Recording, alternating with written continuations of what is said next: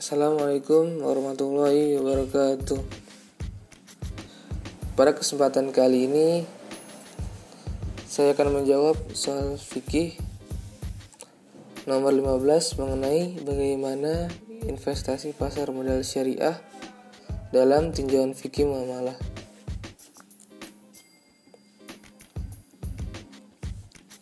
Landasan hukum pasar modal syariah di antaranya adalah Undang-Undang Nomor 8 Tahun 1995 tentang pasar modal dan peraturan OJK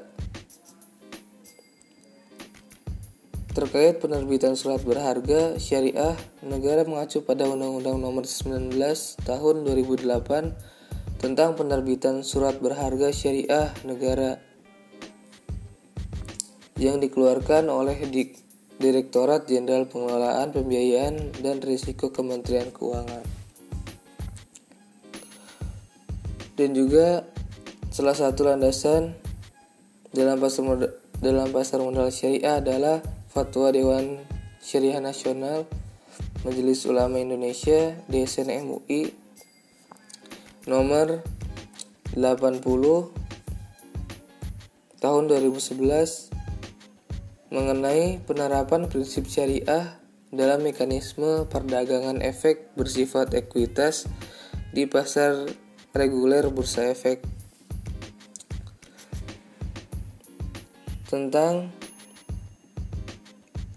prinsip syariah dalam mekanisme perdagangan efek bersifat ekuitas. Dalam fatwa ini, tidak hanya menjelaskan mekanisme transaksi yang sesuai dengan prinsip syariah, tetapi juga menjelaskan berbagai jenis transaksi efek yang dilarang.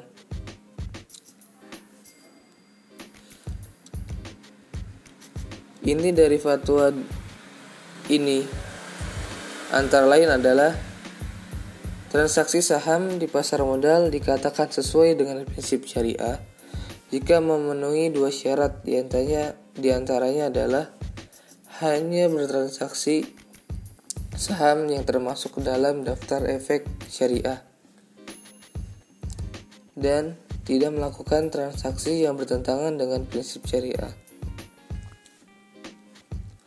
Keunggulan menggunakan pasar modal syariah dibanding dengan pasar modal konvensional adalah dilihat dari luasnya cakupan investor yang berinvestasi. Pada pasar modal konvensional, yang bisa berinvestasi hanyalah investor konvensional. Sedangkan pada pasar modal syariah yang dapat berinvestasi adalah investor konvensional dan investor syariah.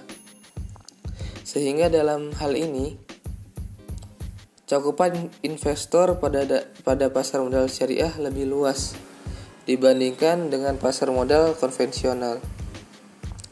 Keunggulan inilah yang menjadi salah satu pertimbangan perusahaan dalam menerbitkan efek syariah.